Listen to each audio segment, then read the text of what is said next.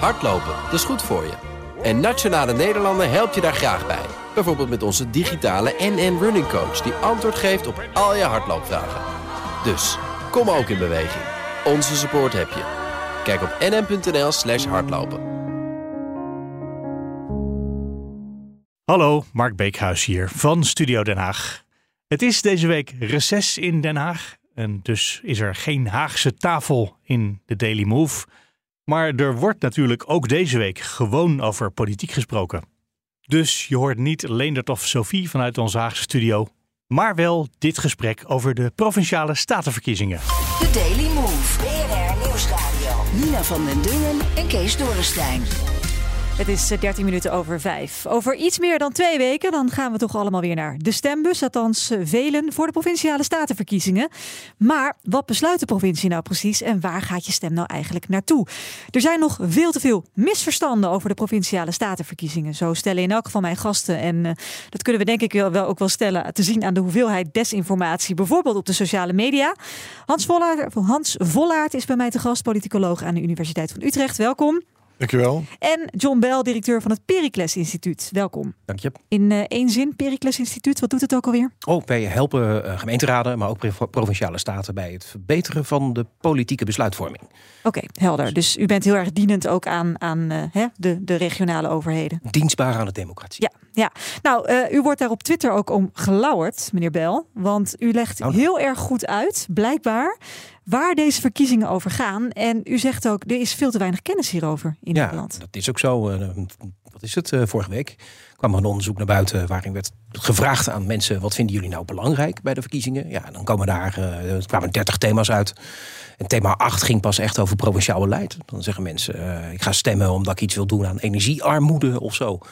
Uh, dat was dan nummer één. Of uh, migratie. Of uh, nou ja, de thema's waar de provinciale staten gewoon niet over gaan. Nee, maar ja, iedereen denkt, ja, maar indirect stem ik voor de Eerste Kamer voor ja, Den Haag. En daar gaat het er wel over. Dat is me echt te gemakkelijk. Dat is me echt te gemakkelijk. Um, al is het maar omdat van de Eerste Kamer niet verwacht wordt dat ze beleid agenderen. Nee, ze controleren. Ze, ze, controleren en ze mogen een keertje een veto uitspreken. Maar dat is dan niet alsof ze ineens initiatief kunnen gaan nemen om kerncentrales te bouwen. Of uh, de grenzen dicht te gooien. Of juist open te gooien. Of wat je ook maar wilt. En uh, daarnaast doe je je als kiezer echt veel te kort. Want er zijn namelijk wel hele belangrijke thema's waar deze verkiezingen wel over gaan. Ja, nou ja daar als... komen we straks nog over te spreken. Maar uh, je kan je ook afvragen van nou, mensen gaan dan stemmen zometeen met een idee. Uh, ik wil iets verbeteren in dit land. Zijn dat dan eigenlijk uh, stemmen die dan op niks gebaseerd zijn? Dus eigenlijk is de uitslag misschien gewoon een beetje scheef of misleidend? Ja, nou, dat kan, kan je best wel zeggen. Ja, ik bedoel, het is ongeveer iets meer dan een derde van de kiezers wat om, om redenen gaat stemmen die niets met de provinciale staten te maken heeft. En je kunt je afvragen of die wel voldoende, voldoende geïnformeerd zijn. En als ze dan weten waar die provinciale staten wel over gaan, of ze niet misschien wel een andere keus hadden gemaakt. Er is ja, ja. immers keus genoeg ja. op dit stembiljet. Hans Vollaert, hoe erg is het als inderdaad eigenlijk zo'n uitslag dus niet klopt, omdat mensen om de verkeerde redenen gaan stemmen? Nou ja, kijk, verkiezingen zijn bedoeld om als controlemechanisme dat je kunt zeggen: hé, hey, die partij uh, uh, is goed voor mij opgekomen. Maar ja, als je niet weet wat hij gedaan heeft, kan je dat signaal niet geven. En daarnaast zijn verkiezingen ook om een boodschap mee te geven van mensen uh, zorg dat die uh, provinciale weg verkeersveiliger wordt of dat het openbaar vervoer in mijn uh, dorp ligt. Maar als je niet weet dat de provincie daarover gaat, wordt het ingewikkeld. En dus ik zeg ook altijd tegen statenleden, en ik heb de afgelopen jaren ook weer veel getraind. Je moet eigenlijk pas na de verkiezingen uh, zien te achterhalen wat de inwoners eigenlijk willen met jouw provincie. Want dat weet je met deze verkiezingsuitslag eigenlijk nog niet. Nee, maar wiens schuld is het nou, als we dan toch een schuldige zouden aanwijzen, Hans Vollaert, uh, dat heel veel mensen eigenlijk gewoon niet snappen wat die provinciale statenverkiezingen zijn? Ja, jullie. Uh, ja, de allemaal de schuld van de media. Nee, ja, nee, nee, uh, nou, om te beginnen zou ik zeggen, het zit hem deels in het onderwijs. hoeveel krijgen nou überhaupt mee uh, hoe de provincie in elkaar steekt. Hè. Dus de onderwijsraad heeft anderhalf jaar geleden nog gezegd... democratisch burgerschap, ja, mensen krijgen daar nauwelijks wat uh, van mee. Twee, Kijk, ook politieke partijen uh, leggen toch vooral de nadruk op uh, de nationale politieke thema's. En Gisteren vallen... het eerste lijsttrekkersdebat van de Eerste Kamer. Oh, ja, uh, zeker. En deels vallen die wel samen. Hè. Dus de, de omgang met stikstof. Hè. Provincies moeten nu in, per gebied gaan uitzoeken hoe ze dat nou precies inpassen. wel met boeren onteigenen of niet. meer ruimte voor natuur of niet. Dus het, het valt wel deels samen. Ook wat er in de Eerste Kamer aan bod komt. Maar ja, mensen hebben daardoor minder idee. Hè, doordat nationale politieke partijen ook een nationale politici in het veld sturen. En ja, media richten daar toch vooral de aandacht op. En dat zit er deels ook in dat er veel minder regionale media is. Je hebt de Omroep Friesland, de Provinciale Zeeuwse Courant. Nou, die melden nog wel wat in de provincie gebeurt. En daardoor weten mensen soms daar ook wat meer wat te spelen. En andere regionale doen dat veel minder? Nou, ik woon in, in de prachtige stad Rotterdam. Daar is het heel erg makkelijk uh, om te missen dat überhaupt de provincie bestaat. Ja, John Bel, komt dat wellicht omdat de binding van de Friese en uh, waarschijnlijk ook de, de Zeeuwen en de Limburgers van oudsher met de provincie toch steviger is dan bijvoorbeeld iemand in Zuid-Holland? Oh, absoluut. Als je mensen vraagt uh, hoeveel, uh, hoe, hoe voel, voel, jij je Zuid-Hollander of zo, dan is dat een handvol mensen wat dat, uh, dat vindt. Dat is in Friesland, in Zeeland, in Limburg is dat veel groter. Ik bedoel, je kan het bijna uittekenen. Kan, ja. Iedereen kan die cijfers erbij verzinnen.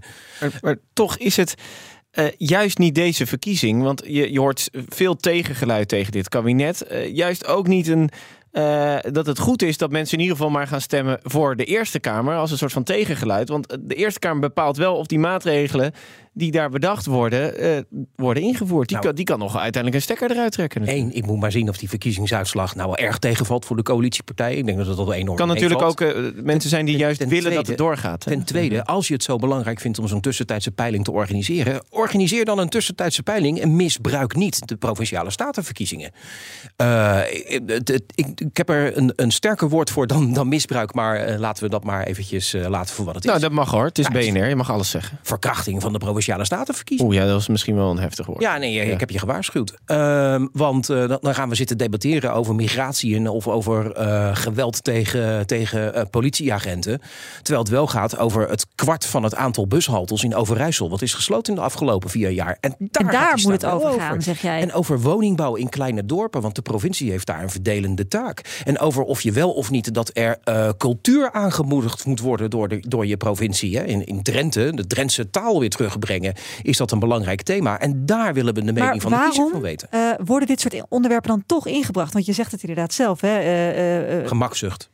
Maar, maar van, vanuit de, de landelijke politiek, Vanuit de landelijke politiek, die vinden het allemaal wel heel fijn natuurlijk. Als dus jij vindt het de schuld landelijk... van de landelijke politiek? Uh, nou, ik ben het voor, voor, met, met Hans ook eens dat de media hier echt ook wel een verantwoordelijkheid in heeft. Ik bedoel, WNL zou zich gewoon zijn oog uit de, de kop moeten schamen dat ze zo'n debat programmeren voor de provinciale statenverkiezingen. Erger nog, de collega's van één vandaag, die zetten de politieke leiders uit de Tweede Kamer voor de microfoon om te debatteren over migratie. Ja, nee, dan ben je echt nou, gewoon de kiezers verkeerd aan het informeren. Ja, maar daar ben ik het toch niet mee eens. Wat, kijk, politieke partijen uh, die landelijk en provinciaal actief zijn, die zitten min of meer in hetzelfde uh, vaarwater. En dus dan wil je je landelijk merk ook goed uh, naar voren brengen. Dus dan is het logisch dat je je nationale partijleider het veld instuurt. En een signaal afgeeft, nou mensen, als je voor het CDA kiest, of voor BBB, of voor GroenLinks, of Partij voor de Dieren, Volt, wat, wat doet er allemaal mee? Dat je wel weet, oké, okay, dan gaan we min of meer die, die kant op. En maar toch niet over migratie, Hans? Oh, nou ja, voor de huisvesting van uh, arbeidsmigranten en ook asielzoekers uh, helpt de provincie ook nog wel mee. Dus die hebben ook daar een bijrol uh, in. Mm. Maar ja, hoe je het went of keert, ook voor kiezers en, daar, en voor luisteraars, waar media en politici ook op letten is nu eenmaal landelijke politiek een stuk belangrijker dan provinciale politiek. Je voelt je er meer mee verbonden. Uh, nou, ze, ze, vinden het belangrijker. Hm. Uh, uh, dus dat is ja, dat zijn wat in de landelijke politiek speelt weegt zwaarder mee dan wat de provincie uh, doet.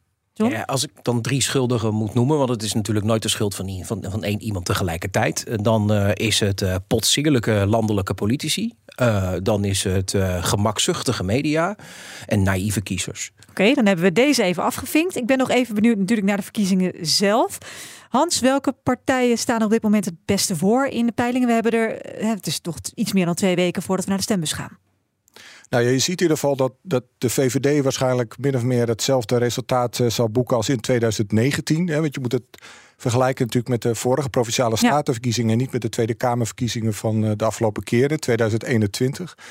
Ehm, en er kan natuurlijk nog van alles gebeuren. Maar zoals het er nu naar uitziet, eh, zal die toch wel weer redelijk eh, scoren. Ja? En daarnaast zie je natuurlijk dat ook BBB en Ja 21 het vrij eh, aardig doen. Eh, Maar dus waar gaan die de zetels vandaan halen? eh, nou ja, je ziet toch dat die Forum. concurreren natuurlijk bij wat Forum de vorige keer had laten vallen. Ja. En dat brengt mij overigens, eh, en dat is wel een punt dat ook de, de media goed onder de aandacht kan brengen. In die debatten over de provinciale politiek zou ik ook heel goed vinden dat de Partij van de Arbeid, die in alle twaalf colleges zit, hè, dus ook in het coalitiekamp wordt gezet, net als Forum voor Democratie, die in Limburg en Brabant ook bestuursverantwoordelijkheid hebben gedragen, dat die dus ook in de, de debatten worden gevraagd: wat heb jij nou in het bestuur, het dagelijks bestuur gedaan? Ja. Want dat, nu wordt meestal PvdA en Forum in de oppositie gezet, omdat dat toevallig zo in de Tweede Kamer is. Maar ik zou ook goed vinden dat juist die partijen worden gevraagd: wat heb je gedaan? Of Ja. de, de Fries Nationale Partij eh, in, in Friesland. Wat hebben die nou voor hun inwoners eh, gedaan? Nou, dat is een interessante dat je dat noemt. Want eh, John Bell, als je kijkt naar eh, de lokale verkiezingen, dan zie je heel vaak lokale partijen. Ja. Eh, veel die er meedoen. De laatste keer hebben ze ook behoorlijk wat zetels binnengehaald met z'n allen. Ja, meer dan Bij de 30. provinciale staten zie je dat helemaal niet. Zie je heel weinig eh, regionale partijen die, nou, die zich profileren en waar je uit kan kiezen. Ja, Hoe zit dat? Ja, nou, dat heeft ook alles met identiteit te maken. Ik bedoel, eh, de, de enige echte uitzondering van een provinciale partij, ik vind dat een beter woord dan regionale partij, is eh, FNP, een Fries Nationale Partij. Die al jarenlang, eh, decennia lang met een stabiele vijf zetels, het is een keertje vijf geweest, dus die doen al, al heel lang mee. En in andere provincies is het toch eigenlijk maar een beetje trekken en duwen. Een goed voorbeeld is denk ik Overijssel, waar geen, je zou toch zeggen, achterland en zo, en misschien wel een, toch wel een regio. Maar eh, als je even wat verder inzoekt, dan eh, moet je de achterhoek niet met Twente verwarren. Nee. En eh, dan zie je dus dat er ook geen provinciale partij op staat. En dat is dus ook nul zetels. Eh, ja, eh, er is zoiets niet als een provinciale identiteit. Nee. En dus zijn er Dus dus ook, niet echt partijen. provinciale En dat is ook partijen. niet erg per definitie. Nee, dat is niet erg. Ik bedoel, ehm, laten we eerlijk zijn, behalve het, eh, het, het labeltje eh, dat het is opgericht in het, eh, de, de provincie zelf, is er nou ook weer niet zo ontzettend verschil tussen een landelijk opererende politieke partij en een lokale politieke partij. Dat geldt voor gemeenten ook. Ja. Als je lid bent van het CDA en je hebt een lokale afdeling, dan ben je net zo lokaal als eh, Leefbaar of gemeentebelangen of eh, hoe het dan ook heet. Hans, wat eh, verwacht je van de opkomst tot slot? Nou, kijk, eh, mensen vinden hoe dan ook de provinciale statenverkiezingen minder eh, belangrijk. Ehm, eh, zien ook dat er eh, ja, da- daar dus minder op het spel staat dan als het daar de, de regering, eh, of de regeringssamenstelling van afhangt. En ik denk eerlijk gezegd, in tegenstelling tot in 2019, de vorige keer, en ook in 2011, toen de opkomst echt weer boven de 50% kwam. En ze zeiden van ja, Gaat goed. ga- gaat, de, gaat Ja. de regering weer een meerderheid halen in de Eerste Kamer of juist niet? Eh, maar het zou misschien nu wel kunnen zijn dat mensen wel een beetje gewend zijn aan dit idee van een regering met een minderheid in de Eerste Kamer.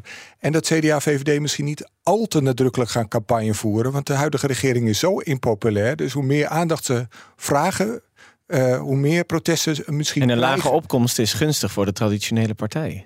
Ehm, eh, nou ja, in ieder geval voor de achterban van PVV en SP is minder geneigd om eh, op te komen bij dit soort eh, verkiezingen. Dus dat. eh, Ja. dus, eh, Twijfel hoor. Ik denk dat eh, juist de achterban van, van BBB. eh, die zou nog wel redelijk gemotiveerd Die kunnen zijn nu gemotiveerd natuurlijk om in één keer een grote slag eh, te slaan.